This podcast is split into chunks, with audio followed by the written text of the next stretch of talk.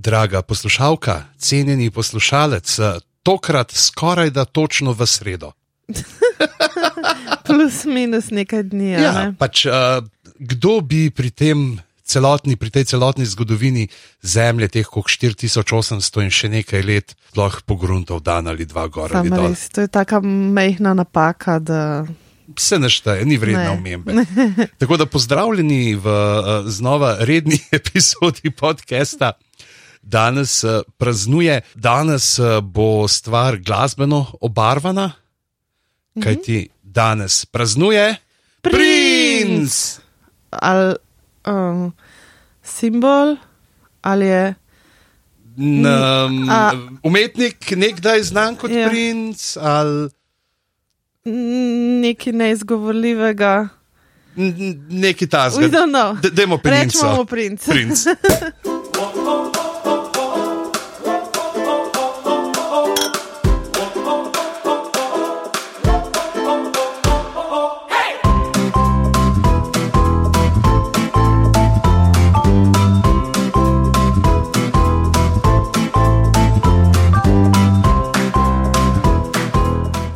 Danes je 7. juni in leta 1958 se je na ta dan rodil princ Rogers Nelson. Princ mu je bilo v resnici ime. To je dosti v redu. Ne, Ja. Ne bi pogruntal, veš. Se tudi dosti ljudi, a veš, ne ve, da je pižama moje krstno ime. ja. Princ je ime, ki ga je on podedoval v bistvu po svojem očetu. Njegov oče, John L. Nelson, uh, je imel umetniško ime Princ in sicer je bil glasbenik, pianist, imel je Prince Rogers Trio, uh, s katerim je nastopal po razno raznih klubih in tako je v bistvu um, dobil ime. A malo povemo. Um, O njegovem otroštvu? Lahko, lahko Izvoli, lahko začnemo. prej poveva še, uh, s čim danes nazdravljava. Uh -huh. uh, to je Zlati grič, penina, brut, uh, metod, klasik, vinorodni okoliš Štajerska, Slovenija. Gre za penino, ki jo hranijo, a za penino rečeš, da jo zoriš ali da se uleži. Nekaj Bomo mogla tega. vprašati. Ja, Ja. bova vprašala, se bomo pozanimala do enega od naslednjih delov, uh, ki jo uh, ležijo v žički kartuziji. In jaz sem imel tukaj eno genialno idejo, kako bom naredil ta, zdaj, uh, kako je tam bil ta polski kralj, ki je prebegnil, ker je ubil škofa, ne, in zdaj pač je pol tam umrl, ker se je delal, da je nemi menih in uh, kako je pač primerno, ne, da če danes govorijo o princu, da ima pa uh, penino iz samostana, kjer je nekoč na skrivaj bival kralj. Ampak sem pa pogruntal, da ni tako, da bi mu- mutec osojski prebežal iz osoj v žičko kartuzijo, ampak da ga sploh ni bilo v žički kartuzijo, da je bil on tam na osojah. Tako da vsa ta moja, moje planiranje Ja. je propadlo. Ampak preberite si od Aškarca, mutec osojski, zanimiva zgodbica. Ravno tako o ponovnem odkritju samega sebe, o menjavi imena, ne? o menjavi imena, o čemer bova danes govorila, in uh, niti ni slabo, ne, tole. Ko smo ravno pri žički kartuzi, je pa še ena druga zgodba krožila in sicer, da naj bi v žički kartuzi uh, živel, pa tudi umrl uh, potomec uh, celskega grofa Friderika in nesrečne uh, Veronike. Se pravi, na neke vrste princ, grofovski princ. Ja, Evo, ja. ja. grofič, pa imamo povezavo. Ja. Ampak uh, princ uh, ni odraščal v gradu, ampak v mine. Joj, a, a si lahko zlomim jezik pri Minneap. V Minneap. Zakaj ne znam tega reči? Minneapolisu. Ja, Minneapolisu. V, v mini Apple. Lise, se pravi, to je, to je mini Apple polis, ne? se pravi, to je uh, mesto uh, drobnega jabolka. Mm. Kje si pa ti prvič slišal za Minneapolis? O moj bog, veš, da se ne spomnim. Z, z, zakaj bi človek sploh slišal za Minneapolis? Ne vem, jaz se, jaz se ga spomnim iz Beverly Hills. 90-210, ki sta bila Brandon pa Brenda, sta bila iz Minneapolisa. a ne? Ne vem, nimam pojma. Bo. Deva reči, da sta, reči, da sta bila brez iskanja, lej, zdaj sta, po novem okay. sta, to je nine head canon. Ko naslednjič, Ok. okay. ko gledava spet Beverly Hills 90-210, kot ga vsako poletje, cel maraton, ne, bova Ja, pozorna, pa bova rekla, ne, on pa ste iz Ja. Minneapolisa. V glavnem, začnimo rajš bolj z resnimi stvarmi. Princovo otroštvo ga je pravzaprav zaznamovalo za celo življenje, kot otroštva pač naredijo? Ja, to ima otroštvo navado. Ampak um, nažalost, princova um, mlada, zelo zgodnja leta življenja niso bila tako rožnata uh, in lepa kot. Um, Kot so bila mogoče kasnejše obdobja, ko je um, se povzpel na svetovno slavo. Um, mama in oče sta bila um, zelo verna, um, po drugi strani pa ju je za- zaznamovala ta njuna artistična um, vloga, ki ste jo imela, se pravi, oče, sem rekla, je bil pianist, mama je bila pa barska pevka. Um, tako da sta v bistvu izhajala iz nekega tega uh, dekadentnega. Um, Dekadentne sredine 50-ih, 60-ih let prejšnjega stoletja, kjer seveda alkohol, um, uh, spolnost in tako naprej um, pač je bila Prisotna na vsakem koraku. v, v teh klubih, definitivno. ne.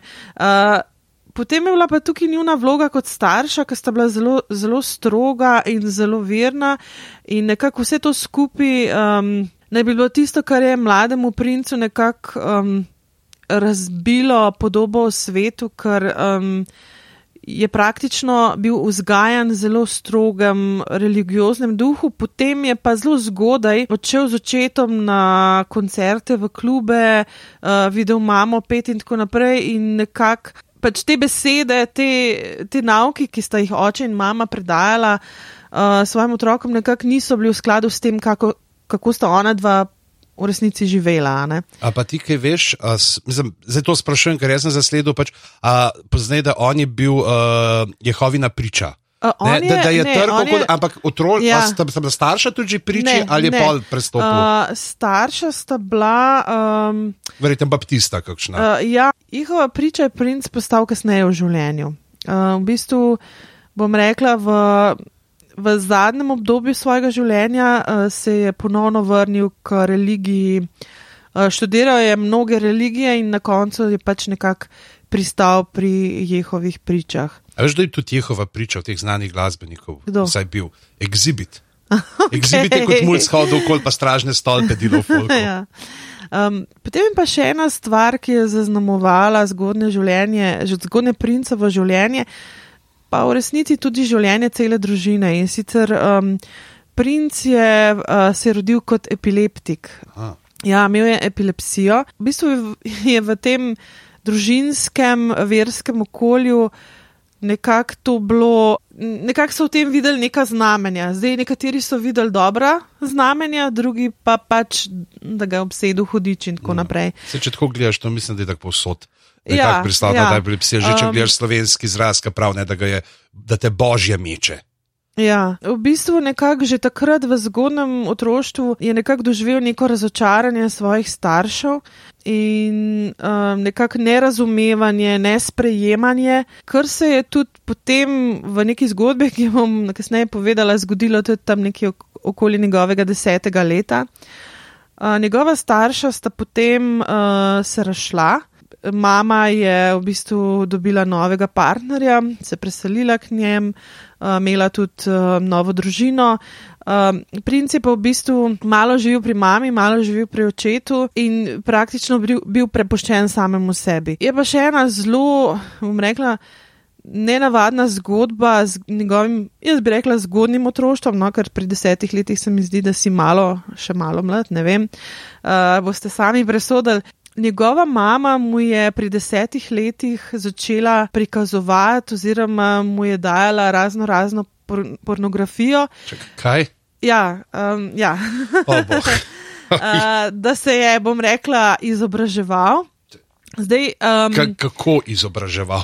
Ja, bolj slabo, ne. Um, tukaj zadnji je teorija, pač, da je že takrat imel androgeni vibe, oziroma da je že takrat mogoče mičkeno deloval um, biseksualen. Nekako ljudje, ki so, ki so princa poznali, so nekako rekli, da verjetno je ona mu dajala to pornografijo zaradi tega, ker se je bala, da je gej. Uh, se pravi, želela je, da bi bil straight, ne, da ne bi bilo še eno razočaranje v življenju. Um, to je tako, kot se bojiš, da tvoj otrok ne, vem, ne mara govedne, pa mu pa vsak dan kažeš, kako krave koljejo ali kako tako pečejo. Tako nekako. Tako nekak, ja. Logika. Tako da bom rekla, je že zelo zgodaj dobival zelo različna sporočila. Uh, od svojih staršev, in potem je ta zgodba, kako je v bistvu pristal na ulici, uh, Uh, star 12 let ga je oče uh, zaprl pred vrata in ga ni spustil več v hišo. Naj bi bila tukaj neka zgodba, pač že seveda poskušal, seveda je. Um, to, um, kar je videl, očitno poskušal spraviti tudi v prakso in se zapletel z nekimi, z nekimi dekleti, uh, kar je oče zvedel in pač zaradi še enega razočaranja, po eni strani zelo re, religioznega očeta, je princa starega 12 let uh, praktično zaprl pred vrata in ga ni spustil, tako da je ostal na ulici. Uh, kasneje so ga uh, pod streho vzeli sosedje, pa tudi v tem času je nekako deloma živel pri mami, pa ni živel pri mami, ker je v bistvu um, potem tudi um, imel zelo veliko težav z svojim bratom, uh, se pravi iz drugega zakona, tako da, da ni zares nikoli potem res živel z mamo um, full time. Uh, tako da je zelo mlad princ ostal praktično sam. Imel je veliko podporo, um, bom rekla, skupine mladih ki so v bistvu mnogi izmed njih z njim ostali praktično celo življenje, uh, prijatelji, rekli so mu Skipper. Uhum. Imel je nadimek Skipper. Otroštvo je bilo zelo traumatično.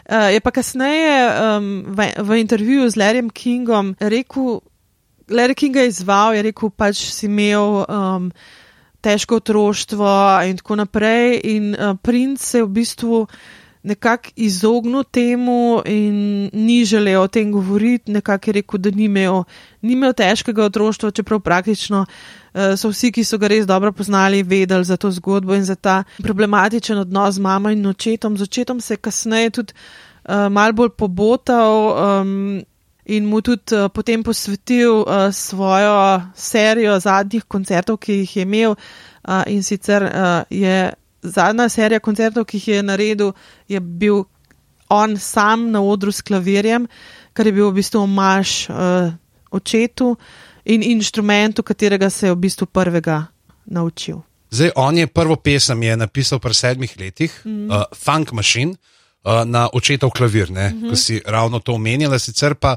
je za glasbeno izobrazbo pravzaprav skoraj bolj nekako poskrbel njegov očim, mm. uh, ki ga je peljal uh, na uh, koncert Jamesa Browna. Mm -hmm. Mu je pa uh, potem oče kupil njegovo prvo kitaro. Mm -hmm. In začel, zdaj ne vem, pač tukaj mislim, da ni bilo, ne, zdaj, uh, jaz sem nekako pač malo gledal te usporednice, pa ki se ti tako začnejo postavljati. Uh, med Michaelom Jacksonom in med Princem, ja. ne kot dvema likoma, ki imata skupno tudi to, da sta njuni pesmi bila pravzaprav. Uh, prvi re, pesmi temnopoltih izvajalcev, ki sta se res vrteli na MTV-ju. Mm. Tukaj nisem zasledil, da bi bilo ne preprinco, tako da bi bil oče tisti faktor, ki ga je si dodal. On je dejansko pač živel z glasbo, on jo je najdu, mm. uh, se v tem ne se začel izražati kot to, ne medtem, ko vemo, kako je bilo pa pri Jacksonovih, ki je bil pa oče tisti tiran, ki jih je sidil, da tok in tok vadijo mm. in vse.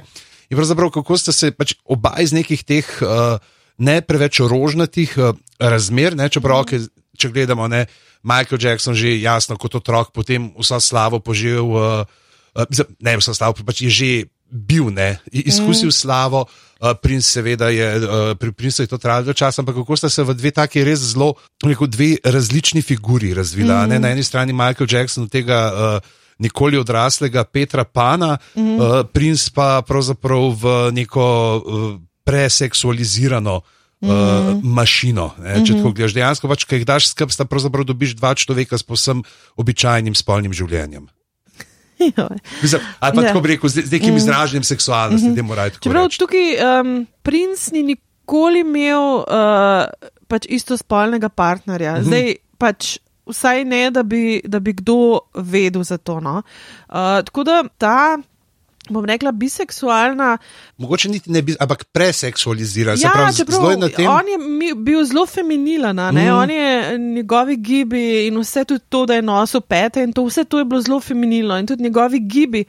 Uh, so bili zelo feminilni. Tukaj jaz mislim, da je bila samo pač uh, stage persona, ne? ker on je imel kar dolgo listo partnerk, med drugimi so bili tudi Kim Basinger in tako naprej. Ta njegova seksualnost mogoče ni bila tako, um, bom rekla, pestra kot Bi sklepal Kot po bi s- odrski personi. ne. Je pa um, imel zelo rad mlade, lepe punce. Ja. Uh, je pa recimo, no, jaz sem poslušal nekaj intervjujev uh, z njegovimi uh, sodelavci uh -huh. in je Susan Rogers, uh, ki je z njim delala od leta 83 do leta 88, uh -huh. uh, se pravi, ona je bila. Njegova uh, študijska mojstrica uh -huh. uh, re, reka pač, da niti enkrat, prav karkoli je ne pač glasbena, glasbeni biznis, uh, poln nekega uh -huh. prisiljenega šovinizma, uh -huh. pa nekega dobacivanja. Ne, pa se, uh -huh. Da se pri, pri, princ niti enkrat ni bil uh, kakorkoli. Uh, pri- Udeležena. Ja, mislim, ja. Da, da itak ni bilo tam, ne, sploh ni bilo tako okolje, ampak da ja, princ niti enkrat, kljub temu, da sta dolge, dolge ure ne, mm. delala pozno noč sama, da nikoli ni bilo ničesar, ob čemer bi ona občutila nelagodje. Ne, mm. Da je bil pač on je živel za musko, ne, njemu je bila Ja, ja, ja, muska. ja.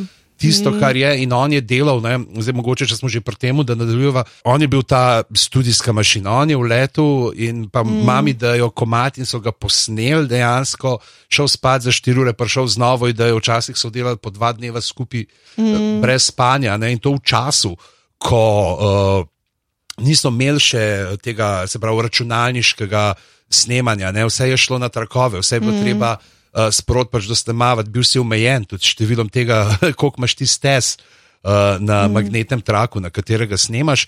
In uh, njegov ta prvi preboj, veliki, ne, je prišel uh, uh, z albumom 1999, pri čemer se mu je predtem zgodila ena taka zelo neprijetna izkušnja. On je že posnel uh, predtem nekaj albumov. In je postal znan, ne? dejansko je bil tak pač glasbenik, ki so ga prepoznavali in so ga Rolling Stonesi, ne? Mick Jagger ga je povabil, da bi prišel, uh, ker so imeli nek uh, špil, par dnevni uh, v Los Angelesu, da bi on preletel tja, ne? da bojo ena, ena od predskupin.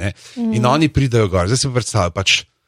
Rolling Stones, pa poln drugih, to so sami rokeri. Mm. Tem pa uleti model, ki špila nek funk, disco sound, ne, mm. in uh, so jih um, izžvižgali, ne, Aha. da je šel dol, in potem se je vrnil domov v Minneapolis, in potem ga je.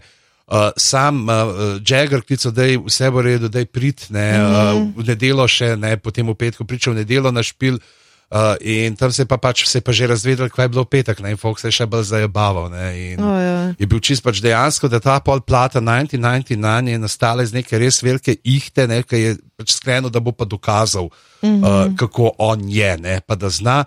In uh, to je bilo še obdobje, ko je on delal vse čist sam. Mm -hmm. ne, se pravi, uh, snemo, on se je sam zaprl noter v studio z uh, uh, študijsko mojstrico in uh, potem pač dejansko je full delal z. Uh, uh, ženskami. Ne? Da so bile tudi recimo na odru, ne? kar je zelo neobičajno za neke te zasebne. Oni imajo zmeraj kitaristke, basistke, tako mm. zmeraj je v bendu.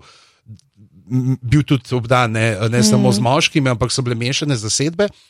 On je naenkrat pisal za tri zasedbe, to so bili pač zase, mm -hmm. ne, uh, Prince and the Revolution, potem za The Time, pa The Vanity Six. Mm -hmm. Dej, uh, The Time so bili bolj kot straight funkovski band, uh, ki je zelo zanimiv, so bili pa sestavljeni iz uh, članov benda, uh, s katerimi je princ na teh srednješolskih. Uh, Na tečajih oziroma bitkah talentov tekmoval, ne, so bili pač nasprotniki, se, ampak mm. on je prepoznal, ne, da obvladajo in jih povabil k sodelovanju. Vanity Six je bil pa uh, projekt, v katerem je združil tri pevke uh -huh. In so pač dejansko pisali skladbe za vse tri. In uh, te Vanity Six so pele tako, one so otvarjale večere in one so prišle od spred in so pele, in uh, v zadnje pa bend igral, spremljevalnik je bil sestavljen iz njihovih bendov, iz uh, The Time. Iz, in se je doskrat zgodilo, da je princ, kljub temu, da ga je čakal pol špil, ker bo on cel špil mogel odbiti Je kar v letu tako pokazal, mu ej, da je pust mene in vzel kitaro in šel on komat ali pa dva vzad odigrati. Tako da noben ni vedel, mm -hmm. da on igra, ampak pač ta glasba ga je. Ne? In mm -hmm. potem na, med to turnajo je, so se ustavili nekoč v enem motelu, ki je bilo tako, oni imajo HBO, ne, tako pač pri nas imate HBO. In je bil dokumentarc o Nostradamusu, ki ga okay. mogoče poznate iz. Uh, Če ne druge, iz ene od preteklih epizod podcasta danes praznuje. In po ogledu tistega dokumentarca je nastal komad 1999. Mm -hmm, Nekaj sem gledal, wow, ne pač to, pa prerobe, pa kaj se bo zgodilo. In je nastal ta 1999, uh, in pa z te plate je bil ta njegov uh, prvi ve večji hit, uh, Little Red Corvette, seveda mm. tudi uh, uh, 1999, uh, kjer je zanimivo, recimo, on je uh, stvar, uh, ki tukaj je. Trije pevci ne, se izmenjujejo, ena od Vanity Six, pa mislim, da je zdaj Miami iz Revolution ali Slow Time in on. In uh, originalno je bilo mišljeno, da bodo peli vsi skupaj, potem so pa na koncu pustili, da vse je obdržal vsak svojo harmonijo, ki ne bi pel, ampak so razrezali besedilo na te uh, razne kose in uh, od tega, da je on takrat že začel uporabljati. Uh, Lin, uh, to, uh, ta, ta, prv, uh, ta prvo ritem mašino, ki ni imela sintetiziranih zvokov, ampak posempljene in še možnost, da si vsak zvok posebej ti lahko ful spremenil. In on se je res igral s tem, mm. in potem so imeli še celo tako skombinirane na koncertih, ki so špilali, da, so, da je z določenimi. Uh, Po teh elektronskih pedih, ne, da so uh, sprožili zvoke iz uh, ritem mašine, činele so bile ta prave, uh, sner, sem imel pa tako naštiman, da z obenem sner si slišal in akustičen, in še izritem mašine ti je ven pel zvok. Ne, se pravi, fulje eksperimentiral, kaj lahko zvokom narediti. Ne. In glih ta ritem mašina, mislim, je en tist najbolj nekih njegovih prepoznavnih zvokov, ki jih od. Uh, Slišimo, je sploh potem, recimo, ne ta When Doves Cry, pa Purple Rain. Uh, eden od članov enega izmed nov, iz njegovih bendov je rekel, da je on bil pač najboljši glasbenik in da je on lahko v vsakem trenutku zamenil kogarkoli v bendu, ker je bil na tistem inštrumentu veliko boljši kot ta, ki je ta inštrument v bendu igral. Uh, poleg tega je v bistvu bil tudi zelo dober vokalist eh, z pač kar dobrim razponom glasu in je res, um, pač mislim, da tak unikum v, v glasbi v tistem obdobju, po mojem, res neponovljiv umetnik, artist, simbol. Uh, in... ja. Mislim, da bi on zelo pač tudi tako, no, uh, Stevie Wonderja, ki je ja. poslušal to, ne pač, če on, ne, ki vidi, da on lahko vse ja. sam. In je počasi, čeprav mislim, da ravno za Purple Rain plošča. Uh, je pa že nastajala tako, da so zraven pol tudi že drugi glasbeniki, mm. da jih je pripustil uh, k sebi, ampak uh, te neke svoje sešnje je pa še vedno imel. Mm -hmm. Ja, Stevie Wonder, uh, Stevie Wonderjem sta veliko tudi sodelovala. Znana je v bistvu zgodba, ko je Obama povabil na skrivni koncert v uh, Belo hišo Stevija Wonderja in Princa, ki sta skupaj igrala in pela. Uh, in to se je v bistvu potem razvedelo.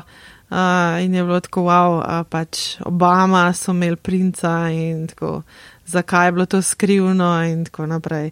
Ampak, če bi jaz imela šanso povabiti ta dva skupaj, da mi tam igrata, mislim, da bi tudi sebično jih zadržala za sebe. Sebično, ja.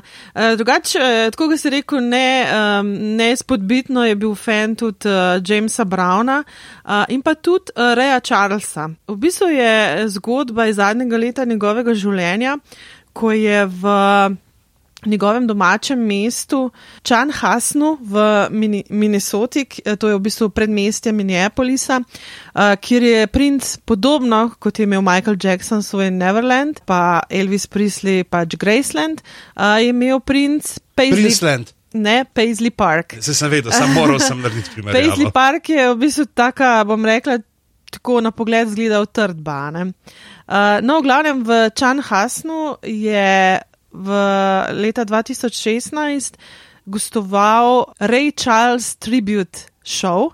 Noben high profile show, nobeni high level, high profile glasbeniki niso bili, ampak ko je princ to zvedel, uh, je prosil, če lahko pride gledat.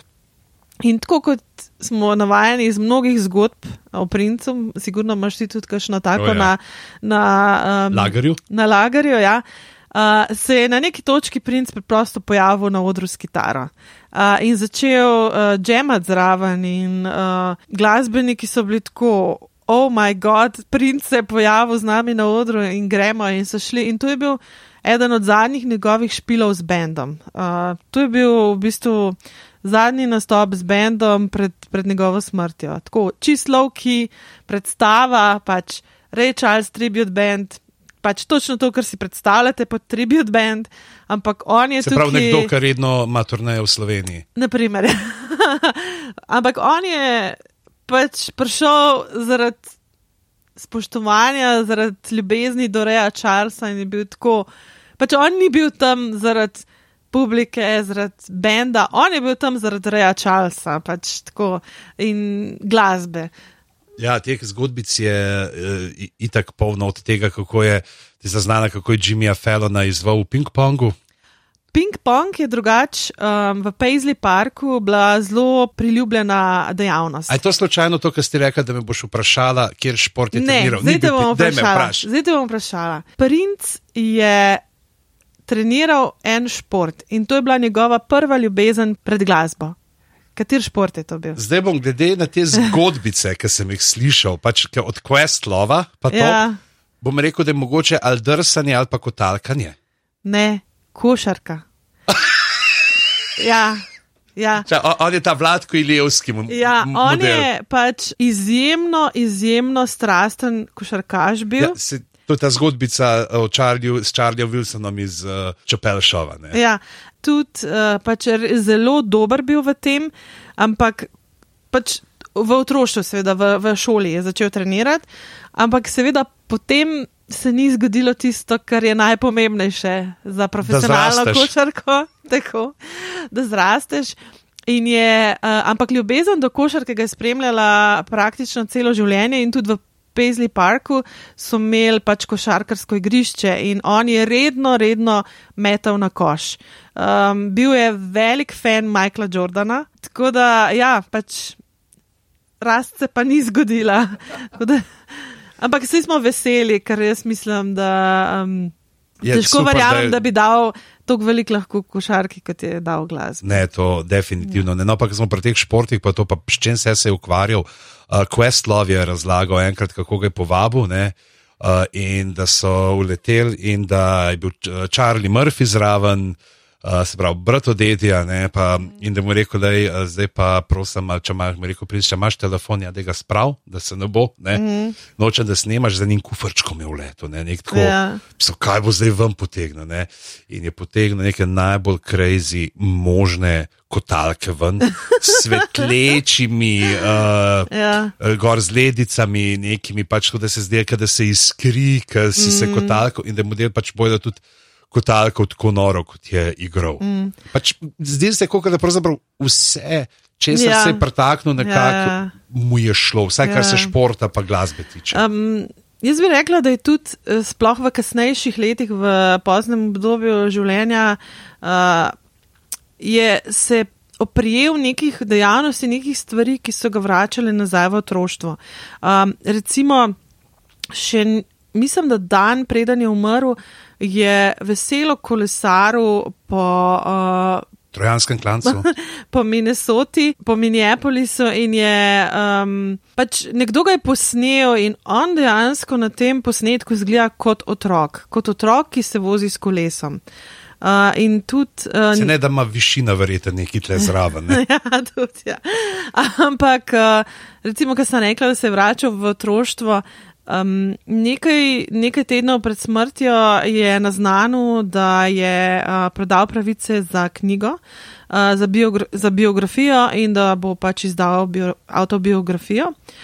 Uh, Menda naj bi celo napisal nekih 50 strani uh, v tem, pač bom rekla, zadnjem mesecu svojega življenja, ampak um, te strani niso nikoli gledale. Uh, pač Ni, ni, ni toliko pisal, kot je snemal. ne.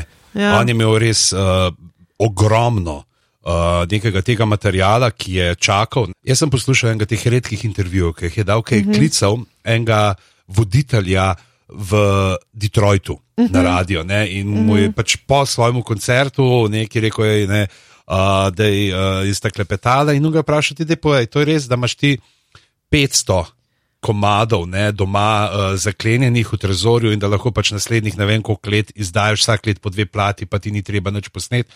Preko ne, ne, to, to ni res, um, imam 320 komadov.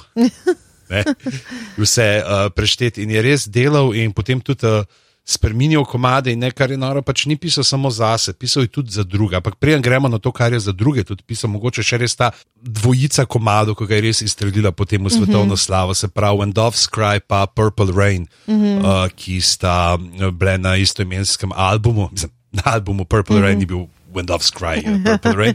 Tudi uh, film potem uh, mm -hmm. posnet, ne, kjer na koncu postane The Purple One mm uh, in Zvezdnik. In, um, zelo je bil on takrat, no, mislim, da je on bil že tako velik navdušenec nad filmi, tudi ta njegova mm -hmm. tonska mojstrica je razlagala, študijska mojstrica, kako so uh, hodili, da, se, da je on najel kinodvorano in potem mm. je 20 ljudi in da je bil tudi totalen fan Blade Runnerja, pa mislim, da celo Razorhead, pač te neke mm. uh, malo bolj um, futuristične. Ja, perfliktne filme, da tudi potem te slike, ki jih je ne, fotografiral se za albume, pa to mm -hmm. uh, potem nekako v vzorcu skušal speljati. In uh, Purple Rain. Si ti tako kdaj raziskovala, kaj pomeni ta Purple Rain? Um, v bistvu nisem raziskovala, ampak nekako ne bi Purple Rain ne imel nobenega um, fulglobega pomena. Je to prav? Ne, maga. Ah. Aha. Ja, ima ga, ne maga, prosim, ne, ne, ne maga. Ne. Jaz sem razumela tako, kot da je uh, v bistvu, da v resnici ni neki, kar lahko, da lahko vsakemu pomeni nekaj drugega. No? Ja. Že v pesmi 1999 uh -huh. imamo omenjeno besedo purple, uh -huh. ki pravi: uh, The sky was all purple, there were people running everywhere. Uh -huh. In da ne bi bilo to pravzaprav ta uh, purple rain, uh, mešanica pač modrega neba in rdeče krvi, uh -huh. ne, ki je v apokalipsi, ne, da je uh -huh. kri lila z neba. Yeah. Ja. In uh, ne, nekako pomen pač potem tukaj dobiti nek simbol, oziroma konec, oziroma prerojenja. Mhm. Je ta Purple Rain. V, v bistvu, ja, no, sej, praktično tako sem nekako tudi jaz razumela, da ni zdaj on nekako točno definiral, kaj, kaj Purple Rain je, ampak eh, v bistvu vsak poslušalec si nekako lahko predstavlja in ja, pač lahko je ta apokalipsa in tako naprej. Uh, lahko je pa tudi čist nekaj drugega. In poslušala sem, ko so pač rekli kritiki, da uspeh tega komada je v bistvu v tem, ne v tem, kakšno pomenskost ima in tako naprej, ampak to um, so zvočje, besed, uh, glasbe, uh, zvokov, pač tako mutno, da je ta mut. Ja, ta, power, ta power balada je to, ja, ne, pač tisto, pač kar je bilo. Mut, ki ga naredi in pač nima definirane točne vsebine, ampak ti to, si pač predstavljaš. Ja, in kako svoj glas modulira, potem, ko ja, gre v više ja, lege in kako ja. kriči na pobač dejansko to je nek tak, lahko bi rekel, tak impresionističen komat. Ne? Ti se ja. pravzaprav prepustiš. Že kar ekspresionističen. Ja, sladko, ja, ja. In, in, in sam čutiš, kam, uh, kam te pelje. Ne?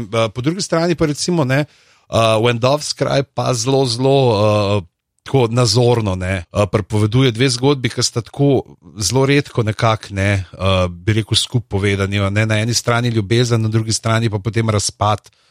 Uh, Ne, v čemer imamo pač ponavadi pesem za eno stvar, pesem za drugo, tukaj je pa on uh, združil uh, obe temi in je tudi uh, mhm. zanimivo, recimo potem to na koncu, uh, ki se dere v te, pa zdaj ne vem, je to album verzija, neka dolga, ki po radiju se ne spomnim, da bi to slišal. Jaz sem si mhm. znašel, da pač namreč na Spotify sem si za eno furo naštimal mhm. ne dve ure njegovih komadov, ker je super, ker je to kar raznoliko, da ne, mhm. te bi tako presenet zmeri, ker se na koncu potem, ko pije daj daj, ne, z nekim takim mm. vreščečim glasom, ki se res lahko sliši kot krik neke uh, te ptice v stiski, ne obenem pa ja, če zdobiš prizor nekega tega. Družinskega spora, lahko celo mm -hmm. nasilja, ki ti ga zraven nariše. In ko smo ravno pri teh, meni je tako, kjer komat je njegov, je tebi tako, da bi rekla: Wow, to je pa zdaj, ki je pa princ, bi pa ta komat. Ne. Mislim, definitivno Purple Rain. Uh, recimo, pač splača. Če rečemo ne Purple Rain, pa ne Wind of Sky, kjer komat. Pa mi pade, pač več mi jih pade na pamet. No? Diamonds and Pearls, mogoče zaradi tega, ker sem bila že takrat tako stara, da sem nekako, ko je ta komat prišel ven, sem jaz za ta komat slišala. Pol ta Little Red Corvette, ne, ki je tak res, um, pa ful je še enih komadov, no, ful, ful bi težko uh, izpostavljala. No, se ampak to je, kjer je unkati, da še recimo pri meni. Mislim, prvi je definitivno Purple, Purple, Rain, ja, pač ne. tako by far. Ne. Če, tukaj bi sam eno stvar rekla. Um, če, če si niste pogledali uh, Princevega nastopa na Super Bowlu uh, Ja. leta 2007, dejte si to pogledati, ker pač. Crazy, pa še dež je padel. Ja, mislim, prav ulil te se je takrat, ne. in te efekti s tisto zastavo, in on tam se dere, pur, Purple Rain. Pač, oh moj god. In tudi, um, uh, ko so delali, pač. Um, Nekako, kjer so bili najboljši, uh, no, najboljši nastopi med polfinalom Super Bowla, je v bistvu finalom. Uh, med finalom, sorry, med med, pol, polčasom. med polfinalom, Med tako v polfinalu polčasom. so te boljši, pa finale. Ne, med polčasom pač uh, finala um, je pač ta princov nastop uh, by far Gladko, seveda. prvi. Tako da to si pogledajte. No, recimo, pri meni je pa ful zanimivo, da mi je pa ta. Jaz sem se dejansko tega 1999 spomnil, pač tudi mogoče zaradi tega, ker so ga leta 99, Ja, ja, ja. pa Sign of the Times.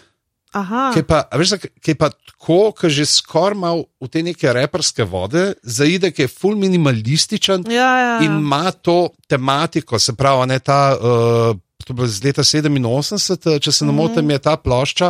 Ja, in veš, je tudi te stvari, ki se pravzaprav, ki jih je takrat rep upovedoval. Uh -huh, se pravi, mi je. Ki začne s tem, da imaš noter AIDS, imaš droge, imaš ne, te krek, vse je tako. Mm. Pač, en- ena taka, recimo, zelo zanimiva zaradi tega, ker pač ravno je en tak odmik Mm -hmm. od tega, kar ponavadi je, veš, kaj ni zdaj, sexy motherfucker, ali pa ja. uh, kiss, mm, pa vse te. Točno, kiss pa Ne. je sexy motherfucker. Ja, veš, Ja, vse. ja pač le toliko enih komadov, Ja. pa kon, kon, v končni fazi nothing compares to you. ne. ki ga sicer ne poznamo toliko v njegovi verziji. Ja, ampak je njegov komad in ga je tudi on sam izvajal, no, Ja. je tudi na koncertih ta komad pel. Pa, a veš, on se, ne, to je tudi ena od teh pač njegovih uh, zelo striktnih, ne teh verskih. Poleg tega, recimo, ne, tudi v teh intervjujih je zelo razlagal, pač, da ja, pač njega navdihuje Bog, ne, on je mm -hmm. zelo to duhovno, ampak dejanja niso bila vedno taka, so bila ta ne vem, sveta jeza, kar bi rekel, ne, ker boj, da sta se z uh, Šinet enkrat zelo sporekla, ki je bila pri njemu na obisku, več, ker je izrazil. Uh, Nestrinjanje s tem, da ona kovne med intervjuji, da, pač, da ne sme, mm -hmm. da on pač zahteva, da neha klet v intervjujih. In, mm -hmm. uh, je, uh, pač, da ste se pa nekaj sporekli, in bo, da so še so neki uh, udarci leteli. In, Oh uh, my God. Ja, ja, tako. A je da. tako? No, ok. Ja, ja on je uh, v bistvu pol spet našel vero, a ne? in kot si rekel, je tudi. Zelo rad govoril o njej, zelo rad se je pogovarjal z vsemi, ki so prišli v Paisley Park in tako naprej, jim dajo knjige za brati. in Tako da, ja, bil je pa tudi zaprisežen vegetarijanc, v nekem obdobju celo vegan, pol je bil pa tudi peskator, a se tako reče. Možno, pis, ja, pač, ta, uh, ribič. Ribe je jedel. No? Ja. Uh, in je v bistvu zahteval dejansko od vseh, ki so pač delali, živeli v Paisley Parku, um, da so tudi oni se tega držali. Se pravi, uh, tam se je jedlo samo pač um, plant-based hrano ali pa ribe. Tako Aha. Ja. Ne bomo eksplicitno omenjali podobnih praks iz domačega prostora, vsi vemo, kje so bile. Ah, ne, ne, ne. ne. ne. Če veste, veste. Ja. Uh, pa ker smo ravno mogoče pri uh, skladbah, ki jih je, se jih pisal, ki jih je naredil za druge, oziroma so jih drugi priredili, poleg tega, da so ga reperi full sample, ne mogoče ena ta najbolj znana je ta. Vsaj iz, komercialno je bil uh, MC Hammer, ki je zaprej, uh, ki je zaprej posamplal in uh, Dove's Cry. Uh -huh. uh, potem, uh, recimo, jasno, ti si že omenila uh, Nothing Compares to You. Uh -huh. uh, Manic Monday, uh, The Ja, Bangles, eh, je. je recimo. Njegov uh, komad, ja. Njegov komad, ki jih je ponesel na lestvice. Potem bil tudi fan Kate Bush in uh, Mhm. uh, Why Should I Love You. m, Je uh, pesem, pravzaprav ona je. Uh, Napisala, potem je on sodeloval tudi uh, pri njej. Mm. Uh, Stevie Nicks uh, je bil tudi uh, velik fan uh, uh, in je uh, Stand Back komati napisal, in pa uh, Shaka Khan, I mm -hmm. Feel for You. tudi ne. Mm -hmm. pač od mnogih, mnogih pa ljudi, ki so potem delali njegove priredbe, čeprav on ni imel to krat, uh, da bi uh, ljudje nekako uh, pač igrali njegove komade. Tako, mm -hmm. pač, mhm. če, če ni glih dovolj, recimo, ne Ali Jankovič, ne vem, koliko. Vsak je to kcajta šel probat, a zdaj bi lahko mogoče mm -hmm. že mhm. kakšen tvoj komat, ne pa ga zmeri, ne boj da enkrat dobu to, da, pač, da so njegovi odvetniki rekli, pač le tam, ko bo princ, ne smeš ga pogledati v oči. Až te dobro, sem pač gledal si naravnost, pa je bilo. Mm -hmm. a, potem recimo, ne vem, da je hotel Purple Rain, da je hotel narediti Yellow Snow. Mm -hmm. Ali Jankovič, to še v tej njegovi tej zgodni fazi. Je pa na enem od svojih koncertov odigral Krip in to so ljudje snemali in dali na YouTube, in potem je on uh, pač zahteval, da te posnetke omaknejo. In potem je uh, model, kaj Tom od uh, Radiohead, je model, uh, naš komat je, pust ga, mm. pust ga, ne bo gor, um, ne bo gor. Mogoče na tej točki, no, on je v tistem času nekako ni razumel dodane vrednosti, recimo uh, YouTube-a. In je zelo bil zelo proti, in tudi, in tudi uh, vedno je dal zahtevek za umik svoje glasbe, za umik posnetkov, če je bilo posneto na koncertih. Na, na koncertih so celo zahtevali, um, da, da se ne snema in tako naprej. Ampak, tako bom rekla, na srečo ga ljudje niso poslušali. Um, tako da v bistvu so nam na ključni ljudje um, v bistvu prihranili te posnetke, ki jih nikoli ne bi videli, um, zares, ker ni snemal koncertov in tako naprej.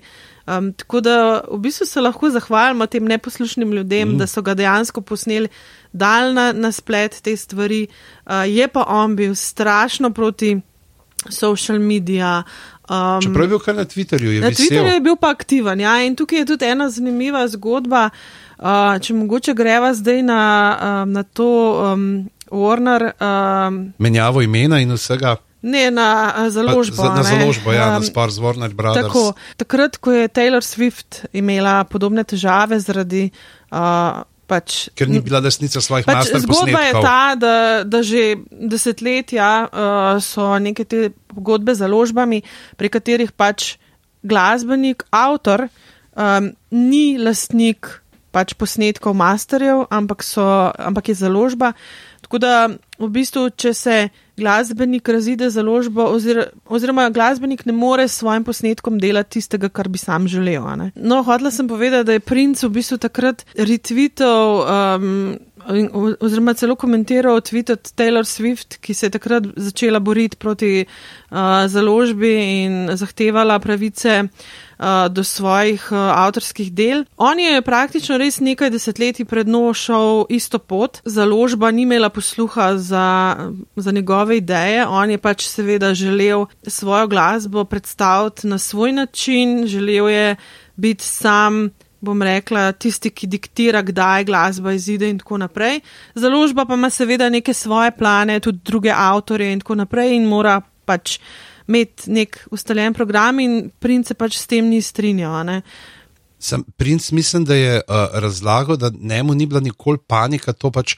Da je pustil samo kreativno. Ja, kreativno so mu pustili, ampak vse druge stvari. Ampak uh, v bistvu, predvsem njega je uh, bolel timing, zaradi tega, ker je on je mogel full dolg čakati, da je lahko pač neki izšlo, ker so pač v založbi čakali druge avtorje in so imeli drugi prednost. Ja, pač, pač ne more en avtor izdati šestih plat na let. Ja, pa, pa tudi pač se jaz po svoje razumeš založbo, ne, da, da ima založba svoj nek. Nek ritem in da je enkrat v spredju en glasbenik, drugič mogoče drug, ampak po drugi strani pa pač mm, je bil princ res glasbenik velikega kova z veliko podporo uh, fanov, ki so kupili čisto vsak njegov album, uh, šli na vsak njegov koncert, pač bi mu lahko pustili tudi to, da nekako diktira svoj lasten tempo. Takrat je pa znana ta, so znane te slike, ko si je princ pisal na obraz uh, besedo slave, kar je pač uh, menil, da je to um, odnos, ki ga ima s svojo založbo. Um, Menda je nekdo iz založbe rekel, um, ker je videl, da ima napisan slave, uh, mu je rekel, if you are a slave, um, you are the slave that owns the plan plantation. Ja. Te spori so se potem nadaljevali, princ je bil v bistvu dost, bom rekla, nemogoč takrat. Mislim, da je tudi sam kasneje nekako na to vižo rekel, da pač lahko bi drugače, ampak da v tistem trenutku pač si je želel Ja, pač, stvari premakniti. ho- Hotel je ven sebe, da te pa pač Ja. to, kar piše tudi pravzaprav. Kar sem mu potem ne rekel na zložbi, pač, da se zba, pač, da ne pride do prenasičenja tržišča. Se pravi, veš, če Ja, ti daš ja. tok in tok plošč, ven tok in tok muske, se Ja, ljudje ja. niti niso sposobni naenkrat, uh, pač res so najbolj zagreti fani, jo, a ne lahko so Mhm. uh, nekako uh, zaužijajo, jo prebavijo, a ne v miru, mislim, pač, ker si želijo tega še in še, medtem ko za neko širšo publiko pa jasno. Ne, zdaj, a, Pilin, tretja plata letos, ja, ja. Vse sem že e- eno kupo, a veš, ne bom še druge, pa tretje. ne. Uh, ampak potem je on v bistvu izdajal plate po tekočem traku, ne, ker je bil zavezan s pogodbo z Warnerjem uh, za število plošč in je potem v zelo kratkem obdobju izdal ne vem koliko, šest ali Ja, se, to so te pogodbe, ne, ko običajno pač vsi te podpišajo ne, za pet ali pa sedem albumov, mm -hmm. pa, pa vidijo pač založba. Ne, če, ti, če prvi uspešnica ti grejo, mm gremo naprej, če pa propade, prečaj, sorry, lej, pač probali smo, ni šlo, Ja. niti treba snemati, lepo se meji, čau, Miki. In uh, gremo dalje. Ja, tako da pač uh, zgodba z Warnerjem se je potem zaključila tako, da je on, pač, da so šli na razen. In da je postal mm, Ja, hm. ta neizgovorljivi simbol, ki so potem kot naslov plošče rekli, The Love Symbol Number Two. In takrat je ne vem, koliko uh, disket so poslali na okol. uh, S fontom, ki je imel na mestu velike črke P, noter ta simbol, zato da so ga lahko v tisku uporabljali, mm. pač tam, kjer so uh, delali objave. Jaz sem poslušala pač v tem eh, intervjuju z Larryjem Kingom, ga tudi Larry. Um, pač Larry, ne vem, če se spomnite, Larry King je sprejemal tudi klice ne, v svoj šov. Um, in ga je poklicala ena fenica in ga vprašala, pač, uh, v bistvu, kaj je za tem imenom, spremembo imena. Um, oziroma kako njega kličejo ljudje, ki, ki so blizu njemu. In moram reči, da sem bila zelo presenečena. Pač, dobro, v princovih intervjujih lahko tudi če kakšno rečeva, ampak um, zelo je dal nejasne odgovore. In potem ga je Larry zelo tako The konkretno. Ja, ga je Larry tako zelo konkretno sprašal, ok, pa dobro, kako, uh, kako ti reče pač žena in je on tako um, rekel Hani. Potem, ne vem, nekdo mu je rekel Little Brother, potem eh, je rekel, da prijatelji z otroštva mu rečejo Skipper. Zelo je bilo tako, ni nekako definiral, kaj zdaj on je. A je še princ, ali ni princ, ali je artist, ali simbol, ali je artist former, formerly known as. Mm. Tako pač dejansko, tako kot tudi fani potem niso vedeli, kako in kaj on zdaj je. Se mi zdi, da tudi sam bil v tem obdobju zelo izgubljen, pač svojo identiteto in nekako neko to obdobje, kjer so se mu verjetno dogajale veliki premiki v življenju in nekako ni, se ni mogel poravnati v vesolju. No. Je pa vse imel smisel za humor, znal je, mm. ne, recimo tudi koga poprcati, recimo, to, kar smo prej omenjali, ta Dave Chappelle ne, in ta uh, Rick James zgodbica, oziroma ne, kjer imamo potem ta princa in uh, kako so ta, to košarko igrali. Uh, in leta 2013, ko je on izdal, uh, ko je princ izdal single Breakfast Can Wait, mm. je na naslovnici objavil Deva Šapela, oblečenega kot princa. ne, in pa, ko so ga vprašali, Šapela, ne, kaj pa to prav, prav, kaj ne naredim. Pač, a ne ga tožen zato, ker je uporabil sliko mene, kjer sem oblečen kot on. Pač, lej, matiral me je, ne, pač bravo model.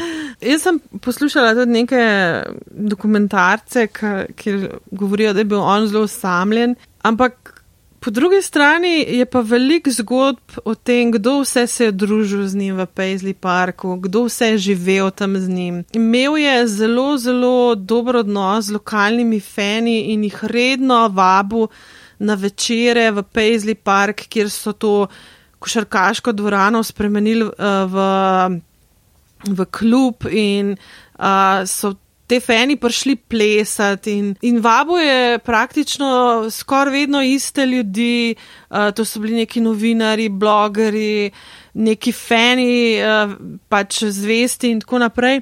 In med drugim so povedali tudi eno zgodbo, kako je pač tam sedela, je on nastopal na enem takem mehkem odrčku in je tam pod odrom sedela neka ženska in uh, ga ful gledala in tako in so bili oni, pa kako so pustili, da ona sedi, ka on tega ni nikoli pustil, da bi kdo pa res sedel na odru, na kar uh, so prišli bliže in so videli, da tam sedi Madonna. in, je, um, in je bila baje tako, imela je odprta usta in ga je gledala in je bila tako wow, prav tako in, uno, in so rekli, da so doživeli to, da je bila Madonna tam in je sedela, uno, samo kot fan je bila tam uh, pač uh, v Paisley Parku. Ne vem, no, res so taka kontradiktorna pričevanja o tem, aj bil res fulosamljen, aj bil pač res, aj bil tako pač tako samljeni pevec, glasbenik na nek način tako kot Michael Jackson, ampak po drugi strani pa se mi zdi, da, da ni bil zares. Imel je tudi pač veliko deklet, tako kot sva rekla, mnoge so z njim živele tudi neko obdobje in tako. Mogoče pa pa ena taka nenavadna. Ali pa tragična zgodba, ki se mu je primerila v zasebnem življenju. Namreč on si je zelo, zelo želel imeti otroka. In poročil se je zelo mlado plesalko Majti Garcia in ta je zanosila. Na kar v bistvu že sredi nosečnosti so gotovili, da z otrokom nekaj ni narobe, eh, nekaj ni ok, eh, da ima v bistvu nenavadno veliko glavo. Ampak princ je bil seveda tako religiozen in je rekel, da pač um, ljudje ne zdravijo, ampak zdravi Bog in ni dovolj, da bi prekinili nosečnost. Uh, na kar se je otrok rodil in v bistvu umrl čez nekaj dni, ker je imel. Um, Pfeifferjev sindrom, pač neko dedno bolezen. V tem času, jaz mislim, da je, da je mogel biti uh, za princa to velik šok, um, kajti v tem času je nastal ta bizaren intervju z opro, um, kjer on in Majti v bistvu sedita oblečena oba v belo v oprinem studiu in razlagata, kako je z njunim otrokom vse v redu, čeprav vsi govorijo, da ni. V resnici bil pa ta otrok že nekaj dni mrtev. Ne? Uh, tako da to je res neka taka, hm, bom rekla, res bizarna zgodba. Je tudi recimo srčni utrip tega otroka, ki bo šel mm. si ga je posnel ja. in tudi uporabil v enem komadu kot del ritma. Ja. Nekako se mi zdi, da, da si res želel. Uh, obrniti svojo osebno zgodovino v tem, da bi bil pač uh, boljši oče, kot pač boljši starš, kot sta bila uh, njegova dva, ampak um, nekako se mu ni šlo. No, in res ta intervju z opro, ne samo to, da opra zgleda, kot da je na kili kokaina in se dere, vsa histerična in uh, euforična. Um, ampak v bistvu majti sploh ne govori o tem intervjuju, pač ko sprašujejo o otroku, um, ker pa je, da je bila tako um, pač lahko si predstavljate, yeah. Ja. ne, čustveno uh, razbita, da um, v bistvu ni mogla govoriti. Uh, on je pa razlagal, kako je z otrokom vse v redu in da sta starša. Pač, otrok je bil mrtev, v tem pač nekaj dni prej otrok umrl, verjetno je bil že celo pokopan. Ta zgodba je res precej, precej nenavadna. No. Um, Majt je potem še enkrat zanosila, ampak um, se je uh, nosečnost končala s plavom in princ ni nikoli v bistvu pač izpolnil te svoje želje, no, da bi postal oče. Zdaj pa, da ne bova končala. Ja, tako, ja. da, ampak deva končati solzami, deva končati solzami. In sicer zele, čez minuto, dve, ko se bova mi dva poslovila od vas, uh, pejte v zapiske in uh, kliknite na link, vse ste ga verjetno že poslušali, ko je bil sprejet v rock and roll. Dvorano uh, ja. slavnih, ki so bili na odru Tom Petty, Jeff Lynne, Steve Winwood, Danny Harrison, George O'Sin in ki so vsi igrali While My Guitar Gently Weeps. Sami hudi mahri na kitari, ampak pol na koncu ko na koncu prime za kitaro. Ne, mm. mislim, in ko začne to solo, to je pa. Pravzaprav brez veze, kjer koli inštrumenta se je on dotaknil, je uh, iz njega izvabil neverjetne stvari. In, uh, mislim, da kakorkoli govorimo o tem, govorimo o tem njegovem zasebnem življenju, pa ne nekaj pričice o teh žalostnih do nekih bizarnih, mislim pa, da njegova muska tako močno govori mm. o njegovem geniju, da tukaj res ni vprašanja, da si zasluži mesto med uh, največjimi. Pač bil je, on je pravzaprav naredil ta Minneapolis Sound, pravi, kjer je združil elektrofunk, uh, nekaj novega vala, kako raznoliko od, uh, uh, se je sprehajal med žanri, kako je pisal za različne, uh, avto, za različne izvajalce. Njegov spomin, tako najbolj počastimo s tem, da si damo eno ne, 20-urno playlisto uh, stvari, ki jih zdaj počasi jemljajo ven iz uh, trezorja in uh, ki jih uh, objavljajo. Tako da, in zdaj te si zdaj za konc stale. Uh, to bo ona povedala, kako je umrl pa to. No, pa deva še to, no, pa deva še to, deva še to povedati. Deva. Jaz sem hotel z gently whips, ampak zakaj kitara nežno joče? Zadnje princovo leto je bilo zaznamovano z odvisnostjo od zdravil. Fentanil, ne? Uh, fentanil je bil pač, um, je bil, fentanil overdose je bil uh, pač to, kar je um, končalo njegovo življenje. Ampak uh, princ je imel velike težave z uh, kolki. Namreč pač vsa leta plesa, uh, plesanja v visokih petah so pač uh, imela svoje posledice in tudi zadnje leto svojega življenja je dosti časa hodil s palico. Uh, Me je pa je zelo, zelo hude bolečine in zaradi tega je pač postal odvisen od zdravil. Um, poslušala sem tudi zgodbe njegovih um, glasbenikov, ki so delali z njim, ki so tudi živeli z njim v Paisley Parku in so rekli, da um, nikoli v njegovi karieri prej uh, ble, ni bil um, odvisen od uh, drog, alkohola in tako naprej. V bistvu je bil zelo dolgočasen, bom rekla, po koncertih. Zelo tako. Ja, šli so gledati posnetek koncerta in preverjali, ja, kaj lahko popravijo. Ja. Mogoče je to tudi, no, da so snemali komad, da so se na vsakih par sekund ustavili, oziroma ko so vadili, so se ustavili in je on njim povedal, kaj so narobe naredili in so šli naprej. Pač bil je perfekcionist, uh, tudi bom rekla, v nekih, pač v nekih stvarih je bil asketa, ne? čeprav je živel tako življenje in tako naprej, ampak v zadnjem obdobju svojega življenja je pač ga ta bolečina nekako ful zaznamovala, tudi verjeten psihična bolečina, pač izgubo otroka in tako naprej. Nekaj dni predno je umrl na poti, uh, mislim, če se ne motim, iz Chicaga v Minneapolis uh, na letalu, izgubil zavest in so ga peljali v bolnico, uh, mislim, da v Indije, Indianapolisu, uh, vendar je uh, se sam odpustil iz bolnice, pač odšel, hotel iti domov, šel domov in nekako. Um, potem celo neki tvitev, kako se dobro počuti, kako je bož, da je imel gripo in to, baj naj bi res imel v tistem obdobju tudi uh, neko gripo, zaradi kjer je tudi uh, pač odpovedal nekaj koncertov. Poleg pač odvisnosti, ki ga je pestila. Njegovi prijatelji so v bistvu, takrat, ko se je on potem vrnil domov in bil nekaj dni doma, kontaktirali so zdravnika v Kaliforniji, ki je bil specialist za um, odvisnost uh, in so ga prosili, če lahko pride pač um, v Paisley Park in se pogovori in prenese pač uh, neke um, antizdravila in tako naprej. Na kar ta zdravnik ni mogel. Uh, imel je druge obveznosti in ni mogel pač oditi. Je pa na avion poslal svojega sina, uh, ki je bil očitno tudi nek uh, zdravnik oziroma pripravnik. Uh, na kar je ta sin uh, na 21. aprila 2016 uh, prišel v Paisley Park, kjer um, je našel um, pač negibnega princa. Poklical je takoj rešilca, uh, ampak um, je bilo že prepozno, tako da je v bistvu princ umrl uh, zaradi prevelike doze fentanila. Tako da. That's up with that. Zdaj, ko smo že that's up with that, pa da ne, da ne končamo na, uh, na low low, pejte si pogledat SNL sketch, mislim, da je letošnji, letošnja sezona, kjer uh, Rami Malek in pa uh, Daniel Craig uh, igrata v sketchu, kjer izbirajo na castingu igralca, ki bo igral princa. Dajte si to pogledat, ker je res dober.